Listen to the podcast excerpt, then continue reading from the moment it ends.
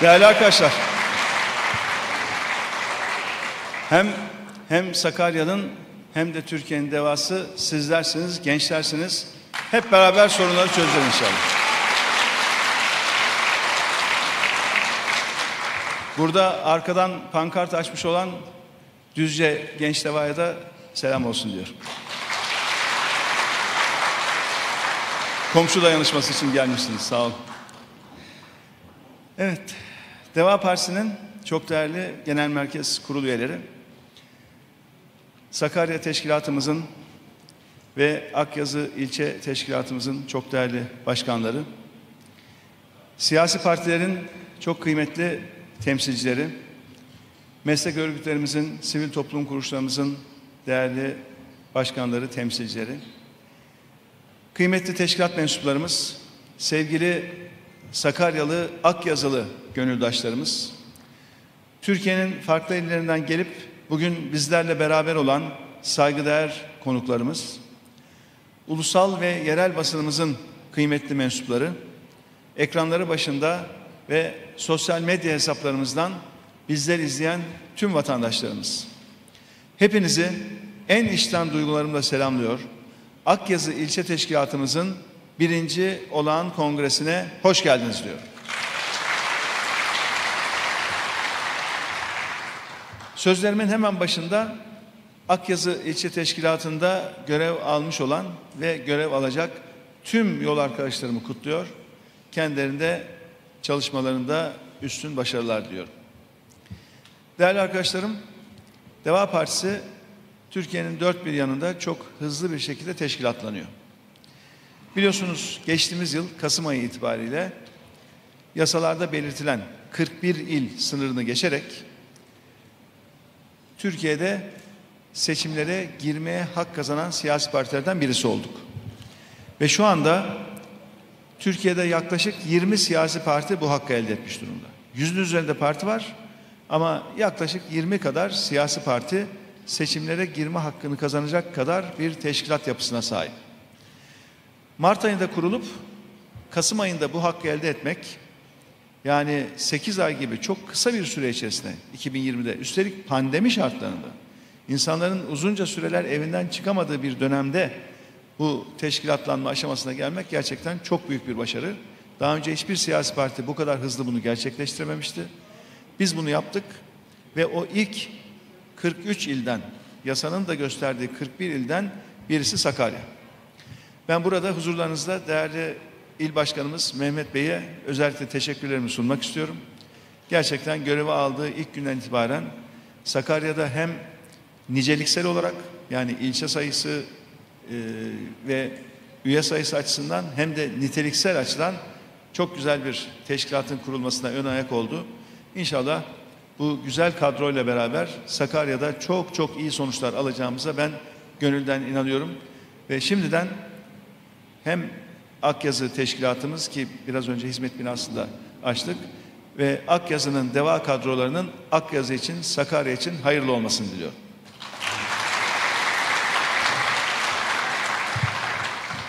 Değerli arkadaşlarım, geçtiğimiz yıl 9 Mart 2020 tarihinde Türkiye'de siyasete yepyeni bir soluk kazandırdık.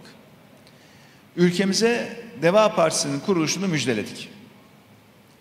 Çünkü Türkiye'nin gerçekten yepyeni bir vizyona ihtiyacı vardı. Ülkemiz her alanda kriz yaşıyordu ve ülkemizin her alanda doğru analizlere, iyi çalışılmış planlara, programlara ihtiyacı vardı. İşte bizler partimizi kurarak tarihsel bir sorumluluğumuzun aynı zamanda gereğini yerine getirmiş olduk.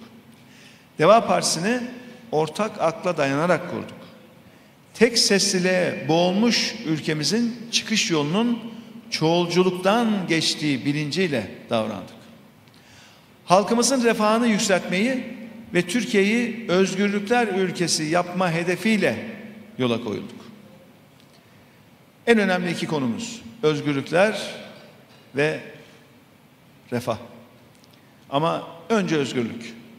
İşte özgürlüklerle başlayacağız dedik. Bizim parti programımıza şöyle bir bakın. Birinci sayfası, birinci bölümü değerli arkadaşlar. özgürlüklerle başlıyor. İlk bölüm ifade özgürlüğü ve basın özgürlüğü böyle devam ediyor. Tabii ki inanç özgürlüğü, ibadet özgürlüğü, inancı gibi, inandığı gibi yaşama özgürlüğü. Bütün bunlar bizim parti programımızın tam merkezindeki kavramlar. Hukuk, adalet işin temeli. Bunlar olmazsa olmaz. İşte bu sağlam temel üzerine de inşa edilmiş bir ekonomiden bahsediyoruz. Yani hukuk üzerine, adalet üzerine, temel hak ve özgürlükler üzerine, demokrasi üzerine, o temel üzerine inşa edilmiş bir ekonomik modelden bahsediyoruz.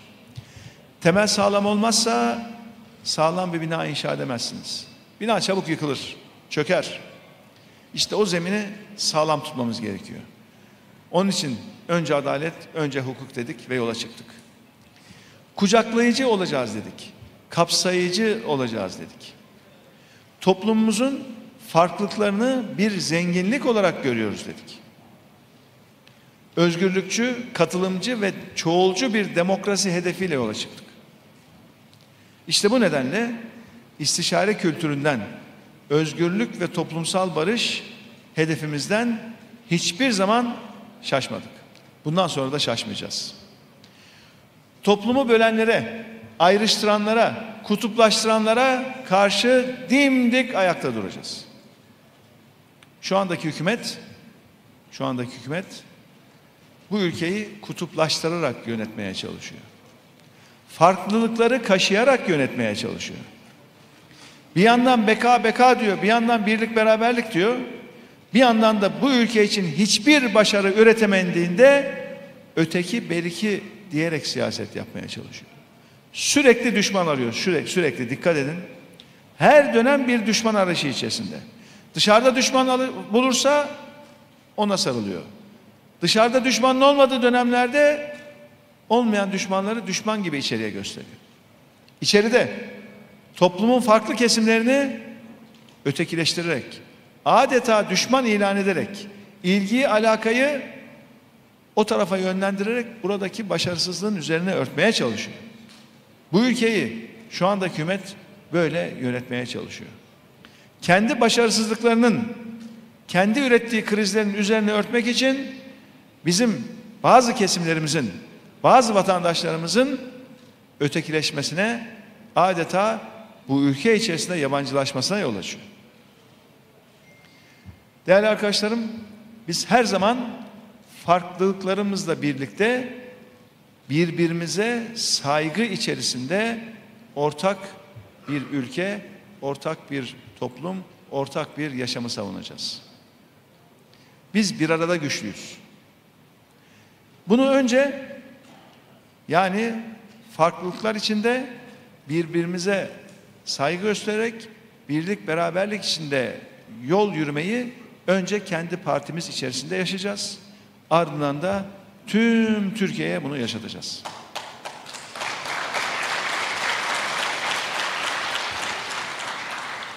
Çünkü değerli arkadaşlarım, Deva Partisi toplumu ayrıştıranların değil, birleştirenlerin, gerginliğin değil, huzurun, kavganın değil, barışın, diklenmenin değil, anlamanın, günlük rüzgarların değil, sapasağlam ilkelerin partisidir.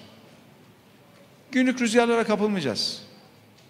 Türkiye'de bu ayrıştırıcı dil, üslup, kutuplaştırma, devletin kanalıyla, devletin yayın organlarıyla, hükümetin havuçla sopayla yönettiği kanallarla sürekli ayrıştırıcı bir dil uygulanıyor. Ayrıştırıcı dil.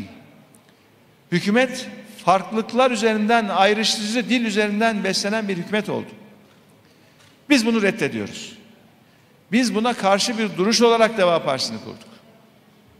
Bakın, geçmişte farklı siyasi tercihleri desteklemiş, farklı ideolojileri benimsemiş arkadaşlarımız bugün deva çatısı altında toplandığı toplanıyor. Bu ülkemiz için değerli arkadaşlarım çok değerli bir oluşum, çok değerli. Çünkü biz Deva Partisi'ni kurarken, teşkilatlarımızı oluştururken vatandaşlarımızın Geçmiş siyasi tercihlerini sorgulamadık. Geçmişte hangi ideolojiyi desteklerini de sormadık. İyi insan mı? İşinde iyi insan mı? Biz ona öncelik verdik. Ve gerçekten evrensel ahlaki standartlarda düzgün insansa biz beraber yol yürürüz dedik. Şu anda da Türkiye'nin buna ihtiyacı var. Türkiye'nin ayrışmaya, farklılıkları kaşımaya, ayrılıklar üzerinden siyaset yapmaya ihtiyacı yok. Türkiye'nin tüm nüfusuyla 84 milyon nüfusuyla aynı yolu yürümeye ihtiyacı var. Geçmiş üzerinde anlaşmamız her zaman kolay olmuyor. Bu bütün toplumlar için geçerlidir. Bundan 50 sene önce, 100 sene önce olmuş konular üzerinde, daha önceki tercihler üzerinde anlaşmaya kalkmak zor iş. Ancak biz ülkemizin yarınları için mutabakata varanların siyasi partisiyiz. Biz ülkemizin yarınları için bir araya gelen aynı Türkiye vizyonuna sahip, aynı Türkiye hayali ve hedefi etrafında kenetlenenlerin partisiyiz. Bunun için kurduk Deva Partisi'ni. Çok araştırmalar yaptık. Çok incelemeler yaptık. Çok istişareler yaptık. Farklı farklı siyasi tercih olan vatandaşlarımıza sorduk. Nasıl bir Türkiye görmek istiyorsun? Nasıl bir ülkede yaşamak istiyorsun diye sorduk. İnanın toplumumuzun kair ekseriyeti nasıl bir ülkede yaşamak istediğini tarif ederken hep aynı Türkiye'den bahsetti. Bir fark yok. Bu ülkede yaşayan 84 milyonun ileride yaşamak istediği Türkiye aynı Türkiye. Aynı ülkeyi tarif ediyorlar. Benim hakkım hukukum korunsun diyor insanlarımız. Ülkede adalet olsun diyor. Fırsat eşitliği olsun diyor. Benim yaşam tarzıma kimse karışmasın diyor. Ben inandığım gibi yaşayayım diyor. Hele gençlerimiz ben birey olarak kıymetliyim diyor. Ben fert olarak kıymetliyim. Bu eğitim sistemi beni dar bir kalıba sokmasın diyor gençlerimiz. Tornadan çıkmış gibi birbirine benzeyen gençlerden oluşan bir toplumu zaten gençlerimiz görmek istemiyor. Bugünün şartlarında bilgi çağında zaten bu imkansız. Bunu yapamazsınız. Boşuna uğraşmayın. Ve değerli arkadaşlarım bakın geçmişte bu topraklarda nice acılar yaşandı. Nice gözyaşları döküldü. Kuşkusuz bu topraklarda yaşanan acılardan, dökülen gözyaşlarından mutlaka ders alacağız. Tarihten mutlaka ders alacağız. Ancak siyasetçilerin yani bizlerin asli görevi ülkenin yarınlarını inşa etmek. Tarih diye bir bilim dalı var. Kıymetli tarihçilerimiz, bilim insanlarımız geçmişte olan olayları kuşkusuz irdeleyecektir, bakacaktır. Bu çok uzun zaman önce bir geçmiş olabilir, yakın tarih olabilir, yakın geçmiş olabilir. Kuşkusuz her şey irdelenecektir. Ama bizlerin, siyasetçilerin işi geçmişi bilmek ancak asıl vakti ve emeği gelecek için harcamaktır. Bizim işimiz bu. Her birimizin farklı hassasiyetleri var. Ve birbirimizi dinleyeceğiz. Birbirimizi anlamaya çalışacağız. İlişkilerimizde her zaman özenli hareket edeceğiz. Değerli arkadaşlarım, demokrat bir duruş ne demektir biliyor musunuz? Demokrat bir duruş farklı düşüncelere saygı demektir.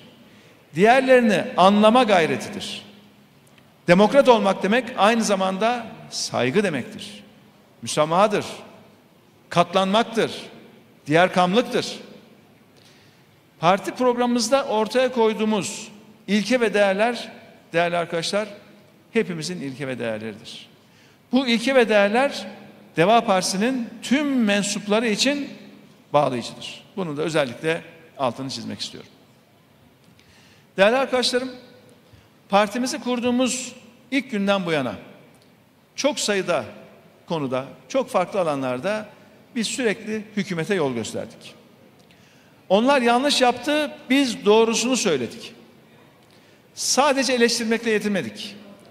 Yol haritalarımızı önlerine koyduk. Uyarılarımızı günü gününe yaptık. Bildiğiniz gibi Türkiye'deki ilk koronavirüs vakası partimizin kurulduğu gün açıklandı. Artık her ne hikmetse o güne denk geldi. Biz bunun spekülasyonunu yapmıyoruz. Ancak madem vakayı açıkladınız, o halde şunları uygulayın diye biz hemen bir reçete yazdık ve hükümete gönderdik. Kamuoyuyla paylaştık. Pandeminin ekonomi boyutunu nasıl yöneteceksiniz? Sağlık boyutunu nasıl yöneteceksiniz diye madde madde tavsiyelerimizi, önerilerimizi hükümete aktardık. Bu reçeteyi daha bizim de kuruluşumuzdan ancak bir hafta geçmişti. O zaman sunduk. Ve koronavirüs nedeniyle yaşanacak kayıpları önlemek amacıyla biz bu reçeteyi sunduk. Salgının sağlık yönünden ve ekonomik açıdan etkilerinin en aza indirilmesini amaçlayan bir tavsiye paketiydi o. Bir süre sonra çıktı Sayın Erdoğan ne dedi? Bu konu vardı, başka konular da vardı. Ya dedi bir de çıkmış dedi bana ders vermeye çalışıyor dedi. Ama derse ihtiyacınız var. Yapamıyorsunuz. Yönetemiyorsunuz. Ülkeyi bir krizler ülkesi haline çevirdiniz. Ülkede bir hukuk krizi var, adalet krizi var. Bir ekonomik kriz var. Bir eğitim krizi var. Bunları yaşıyoruz, görüyoruz. Ve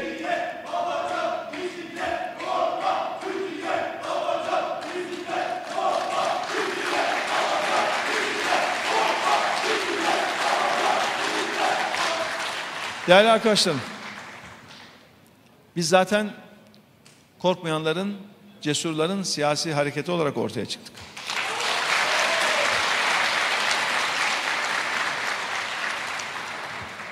Değerli arkadaşlarım, bakın bu salgında, bu pandemide hükümet uzunca bir süre sınıfta kaldı. Açık ve şeffaf davranmadılar. Bu milleti bilgi çarpıtmalarıyla oyaladılar. Biz uyardık. Vaka sayısını gizlediklerini açık açık söyledik. Ve biz ısrarla bu rakamları söyleyince dedik bu rakamlar yanlış ya şu doğru rakamlar açık dedik. Aradan birkaç hafta geçince kabul etmek zorunda kaldılar ve daha sonra neredeyse iki katı rakam açıklamaya başladılar. Biz bu konuda ısrarla bu rakamlar yanlış demeden oralı olmuyorlardı. Doktorlara soruyoruz, hastanelere soruyoruz. Ya bir hastanedeki vaka sayısı o il için açıklanan vaka sayısından fazla. Bir ilin toplam vaka sayısını biliyoruz, alıyoruz çünkü küçük illerde 3-5 tane hastane var. Orta illerden de toplamak kolay.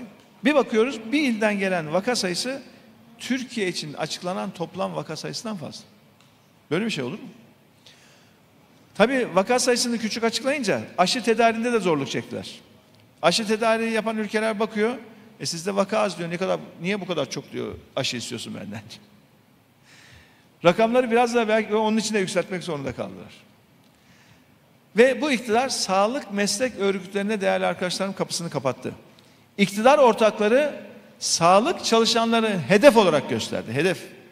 Diyorum ya hep düşman gerekiyor bunlara diye. Sağlık çalışanlarını hedef gösterdiler. Biz ne yaptık? Sağlık çalışanlarımıza kapımızı açtık uzmanları, sağlık sendikalarını, sağlık meslek odalarını genel merkezimizde ağırladık. Onlarla istişare ettik. Eczacılar, tabipler, radyologlar, hemşireler, bütün bunların Türkiye'deki çatı örgütlerinin başkanlarını da davet ettik genel merkezimize. Hepsiyle beraber ortak toplantılar yaptık. Hükümetin yapması gerekenleri biz yaptık biz. Ki meseleyi derinlemesine anladık. Damdan düşenlerle konuştuk. Ondan sonra bu stratejileri oluşturduk. Ve sayıların gerçek olmadığını, uygulamadaki hataları tek tek vatandaşlarımıza paylaştık. Salgına karşı tedbirlerde kapanmada geciktiğimiz her gün, aşılamada geciktiğimiz her gün yaşadığımız can kayıpları gerçekten değerli arkadaşlarım önlenebilir kayıplardı. Bu insanlar ölmeyebilir dedik. Bakın bu candır. Bu kayıpların hesabını veremezsiniz dedik. İktidar biliyorsunuz bu aşı temininde tam bir bilmeceye bulmacaya çevirdi. O gün de çağrımızı yaptık. Bu milletin en öncelikli ihtiyacı aşıdır dedik aşı. Avrupa ve Amerika'da aşılama hızla ilerlerken bizde aşı hala yapılmıyordu. Biz hala binlerce kayıp veriyorduk o günlerde. Şimdi o günlere tekrar dönüp uzun uzun bir değerlendirme yapmaktansa değerli arkadaşlarım biz hep hakikati söyledik bakın. Salgını başından beri ciddiye aldık. Yapılması gerekenleri günü gününe söyledik. Başından beri milletimize karşı sorumluluğumuzu layıkıyla yerine getirdik. Aylarca değerli arkadaşlarım aşı anlaşmasını yapmadıkları, beceremedikleri için milletimiz aşı olmadı biliyor musunuz? Geçen seneleri hatırlayın geçen seneyi. Kasım dediler, yok. Aralık dediler, aşı yok. Ocak, Şubat, Mart. Binlerce insanımızı kaybettik. Sonradan anlaşıldı ki gelişmiş ülkelerin ulaştığı etkisi kanıtlanmış aşılara biz daha önce ulaşabilirmişiz. Daha önce bu aşı Türkiye'ye gelebilirmiş. Bakın bu aşıyı Almanya'da bulan iki bilim insanı bizim insanımız biliyorsunuz. Burada değil Almanya'daki laboratuvarlarda bu aşıyı buldular. Ve o günlerde açıklama yaptılar. Dediler ki ya Türkiye'nin bizden bir talebi yok. Türkiye bizden talep etmedi. Baktık Çin aşısının peşinde koşuyorlar. Ya burada Almanya'da güvenilir bizim insanlarımızın üstelik keşfettiği bir aşı var. Bunu niye temin etmiyorlar? Bunu niye almıyorlar diye sorduk. Aylar geçti aylar. Çok sonra anlaşma yaptılar. Daha yeni yeni. Daha yeni anlaşma yaptılar. Yeni o ikinci aşı Biontech aşısı Türkiye'ye gelmeye başladı. Peki ben buradan soruyorum. 6 aydır siz bu aşıyı niye temin etmediniz? Tabi dedikodu da var.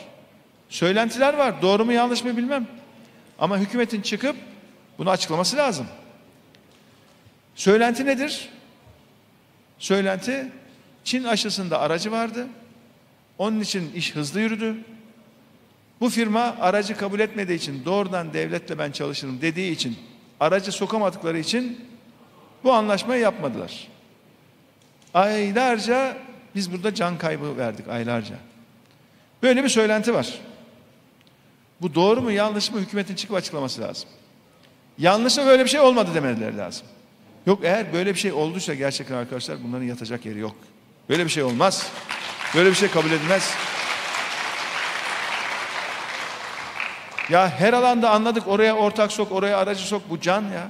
Aşıdan bahsediyoruz aşıdan. Bakın değerli arkadaşlarım. Tam da bu noktada çok önemli bir hususun altını çizmek istiyorum. Koronavirüsle mücadelede kalıcı başarı sağlamak için gerekenleri sizlerle paylaşmak istiyorum. Artık geçmişin tabi muhasebesini yapacağız ama biraz daha geleceğe bakarak bunları söylüyorum bakın. Ağustos ayına yaklaşıyoruz ve Ağustos ayı pandemiyle mücadelede çok kritik bir tarih. Niye? Risk altındaki 65 yaş üstü vatandaşlarımız da sağlık çalışanlarımıza mutlaka üçüncü doz rapel yapılmalı. Üçüncü doz rapel. Öncelikli hedefinde 65 yaş üstü ve sağlık çalışanlarının olması lazım. Biz buradan gene çağrı yapıyoruz. Gene tavsiyelerde bulunuyoruz. Öneride bulunuyoruz. Evet gerekirse ders veriyoruz. Keşke dinleselerdi. Rapel nedir değerli arkadaşlar? Rapel, rapel pekiştirme aşısıdır. Pekiştirme aşısı. Üçüncü aşı. Bu pekiştirme aşıları da mutlaka RNA aşılarından olmalıdır. Yani mesela bizim gurur kaynağımız olan, bu kendi insanımız olan iki bilim insanının Almanya'da ürettiği cinsten aşılar. Biliyorsunuz ilk grup aşılamalar Çin aşısıydı, Sinovac'tı. Ve yeni mutantlara karşı koruyuculuğuyla ilgili zayıf bu aşı. Koruyucu değil. O nedenle diğer aşıyı olanlara yani Çin aşısını olmaya, olanlara bir an önce RNA aşısı yapılması gerekiyor. Bu çok önemli bir husus. Bu pekiştirme aşılarına neden en geç Ağustos'ta başlamak gerekiyor? Çünkü ikinci doz aşının ardından tam 6 ay dolmuş oluyor. Eğer 6 ay geçerse etkinliği azalacak. Altını tekrar çiziyorum. Ağustos ayında risk altındaki vatandaşlarımız ve sağlık çalışanlarımız öncelikli olmak üzere mutlaka pekiştirme aşısına başlanmalıdır diyorum. Ve bunun da önemini aslında biz ilk Sayın Erdoğan'dan duyduk değil mi? Ne dedi? Bir katıldığı televizyon programında ben dedi üçüncü doz aşımı da oldum dedi. Üstelik o dönemde daha halkımızın çoğu birinci dozu bile olmamıştı. Ülkenin Cumhurbaşkanı kendine hak gördüğünü milletten esirgememeli bana göre ama neyse orası ayrı bir mesele. O ayrı. Bugün için, bugün için bu millete hizmet demek öncelikle aşı sağlamak demek. Şu anda bir numaralı konu bu. Can. Önce can. Ve bu devletin de görevidir, iktidarın da görevidir. Ve Ağustos ayı yaklaşıyor. Buradan hükümete çağrı yapıyoruz. Önceden sağlık çalışanı olup, 60 yaş üstü olup, iki doz aşı olanların 6 ayı doluyor. Hemen bir ilave üçüncü aşı mutlaka gerekiyor. Değerli arkadaşlarım, salgını tam anlamıyla kontrol altına almak istiyorsak, yapılması gerekenler de bununla sınırlı değil. Bakın, kapalı mekan kısıtlamaları biliyorsunuz gevşetildi. Açılma süreci 1 Temmuz'da yani yarın daha da genişleyecek. Bu dönemde salgının yayılmasında yeniden bir artış görmeyi hiçbirimiz arzu etmeyiz. Bu nedenle kapalı mekanlara giriş için tedbirin asla elden bırakılmaması gerekiyor. Kapalı mekanlarda tedbirlerin aynen devam etmesi gerekiyor. Ve ilave bir tedbir olarak da kapalı mekanlara girişte aşı zorunluluğunun da gerektiğini, bunun da düşünülmesi gerektiğini biz Deva Partisi olarak ortaya koymak istiyoruz. Bu işin rehaveti olmaz arkadaşlar. Bakın bu işte rehavet olmaz. Bu işte boşver olmaz. Bu işte erteleme olmaz. İşin ucunda can var. Bizler özgürce, serbestçe, kuşkusuz hareket etmeyi isteriz. Hareket etmeliyiz. Ama bu esnada da gereken tüm tedbirlerin alındığından emin olmalıyız. Böylece hep beraber toplum olarak kendimizi güvende hissetmeliyiz. Ancak bizler serbestçe hareket ederken özellikle uluslararası bazı geliş gidişlere de dikkat etmek gerekiyor. Şimdi turizm mevsimindeyiz. Biliyorsunuz bu virüsün bir delta varyantı var. Delta. Bu varyantın kaynağı da Hindistan. Ama bu varyantın en hızlı, en çok yayıldığı ülkelerden birisi de Rusya. Peki hükümet ne yaptı? Rusya'dan girişleri serbestleştirip karantina uygulamasını kaldırdı. Her gün bir başka genelge çıkıyor bu konularda. İşi ciddiye alarak değil, bilime dayanarak değil, anlık kararlarla yönetiyorlar. Gerçekten bazen bakıyoruz, ya bunlar çocuk oyuncağına çevirdi bu işi diyoruz. Salgını kontrol etme yolunda ilerlerken gerçekten bu kararı turizmi önceleyen, turizm gelirlerini önceleyen kararı da rehavet çerçevesinde alınmış bir karar olarak değerlendiriyoruz gerçekten. Aylardır dilimizde tüy bitti. Bakın aylardır dilimizde tüy bitti. Önce can dedik. Ama onlar ekonomiyle ilgili konularda hele hele turizmle ilgili konularda aceleci davrandılar. Pandemi öncesi bu ülkenin kaynaklarını tükettiler. Pandemi öncesi ülkenin Merkez Bankası döviz rezervlerini sıfırladılar. Pandemi öncesi bir günde Merkez Bankası'nın yedek akçelerini tükettiler tek bir günde. Pandemi başladığı anda Türkiye'de Merkez Bankası'nın döviz rezervleri de sıfırlanmıştı. Yıllardır biriktirdiğimiz yedek akçeler de sıfırlanmıştı. Onun için vatandaşımıza gerekli desteği veremediler. Çiftçimiz, esnafımız, günlük kazanıp günlük harcayanlarımız, yevmiye ile bahşişle geçinenlerimiz hepsi çok çok mağdur oldu Türkiye'de. G20 ülkeleri içerisinde vatandaşına en düşük desteği veren, en az desteği doğrudan destek olarak veren ülke Türkiye oldu. Ne demişler? Ak akçe kara gün içindir. Bir merkez bankasının döviz rezervi kötü günler içindir. İyi günde biriktirirsiniz, kötü günlerde kullanırsınız. Ama siz hovardalık yapıp har vurup harman savurursanız, miras yedirik yaparsınız, kendiniz kazanmayıp, hazırdan harcayıp bu ülkenin kaynaklarını tüketirseniz, tam da pandemi gibi bir felaket gelip ülkeyi vurduğunda Böyle çaresiz kalırsınız. Ondan sonra ne diyor? Pandemi oldu diyor. Ne yapalım diyor. Pandemi olabilir. Allah korusun. Doğal afet olabilir. Doğal afetlerde takdir Allah'ındır. Biz buna inanırız. Ama tedbir almak da insanların görevidir. Tedbir almak kulun görevidir. Siz önce tedbirinizi alın, ondan sonra takdir Allah'a bırakın. İşte ekonomide de tedbirli olmak gerekir. İşler iyiyken, ekonomi hızlı büyürken, gelirleriniz varken kötü günler için birikim yaparsınız. Kötü günler geldiğinde de o birikiminizi harcarsınız. Devlet böyle yönetilir. Hatta bizim ticaretle ilgili mevzuatımızda bir müdebbir tüccar kavramı vardır arkadaşlar. Müdebbir tüccar. Yani bir bakkal dükkanı açan, bir manav açan, bir pazarda sergi açan vatandaşımızdan müdebbir olması beklenir. E siz esnafınızdan, küçük işletmelerinizden tedbirli olmanızını bekleyin kanunlarınıza. Koskoca devleti tedbirsiz yönetin. Vurdum duymazlıkla yönetin. Böyle bir şey kabul edebilir mi? Ve değerli arkadaşlarım, bakın biz çalışıyoruz. Her konuda hazırlık yapıyoruz. Her konuda eylem planları hazırlıyoruz.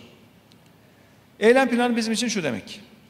Seçimlerden sonra kurulacak hükümetin ilk 90 gününde ve ilk 360 gününde neler yapacağımızı detaylarıyla açıklıyoruz.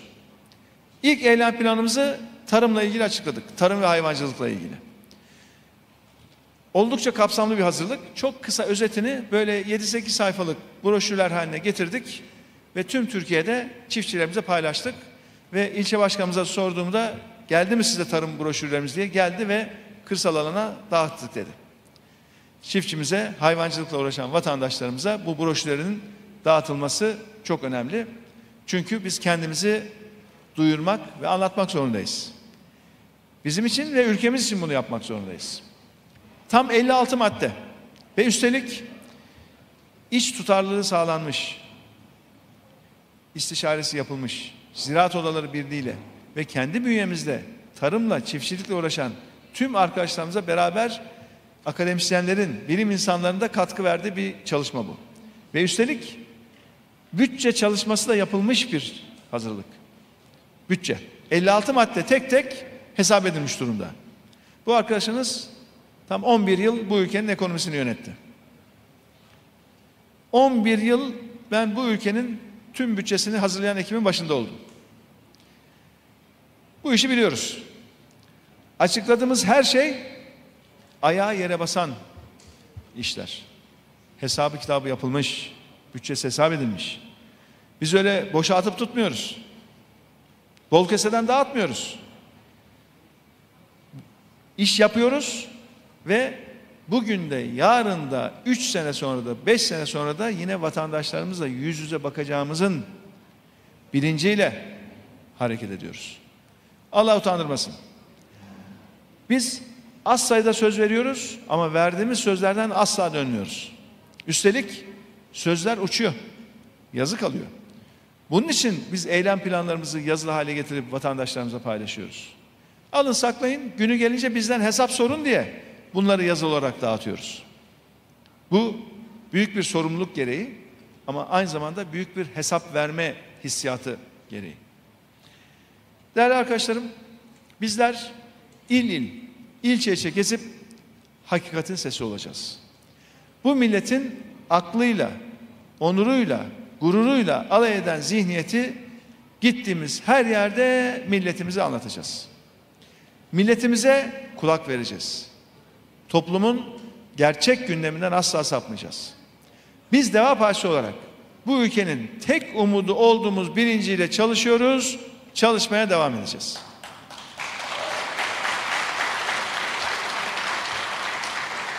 Deva Partisi kadınlarla, gençlerle, çiftçilerle, emeklilerle, öğretmenlerle, işçilerle, esnafla eşitlik için, adalet için, özgürlük için yola çıktı.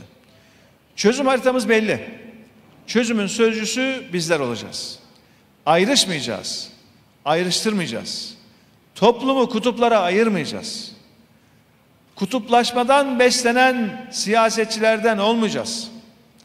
Hep beraber Türkiye'nin yaralarını saracağız. Biz Türkiye'nin haysiyetleri insanlar için buradayız. Artık Türkiye'nin devası var. Akyazı'nın devası var. Sakarya'nın devası var. Vakit demokrasi ve atılım vaktidir değerli arkadaşlarım. Hepinize çok çok teşekkür ediyorum. Sağ olun, var olun.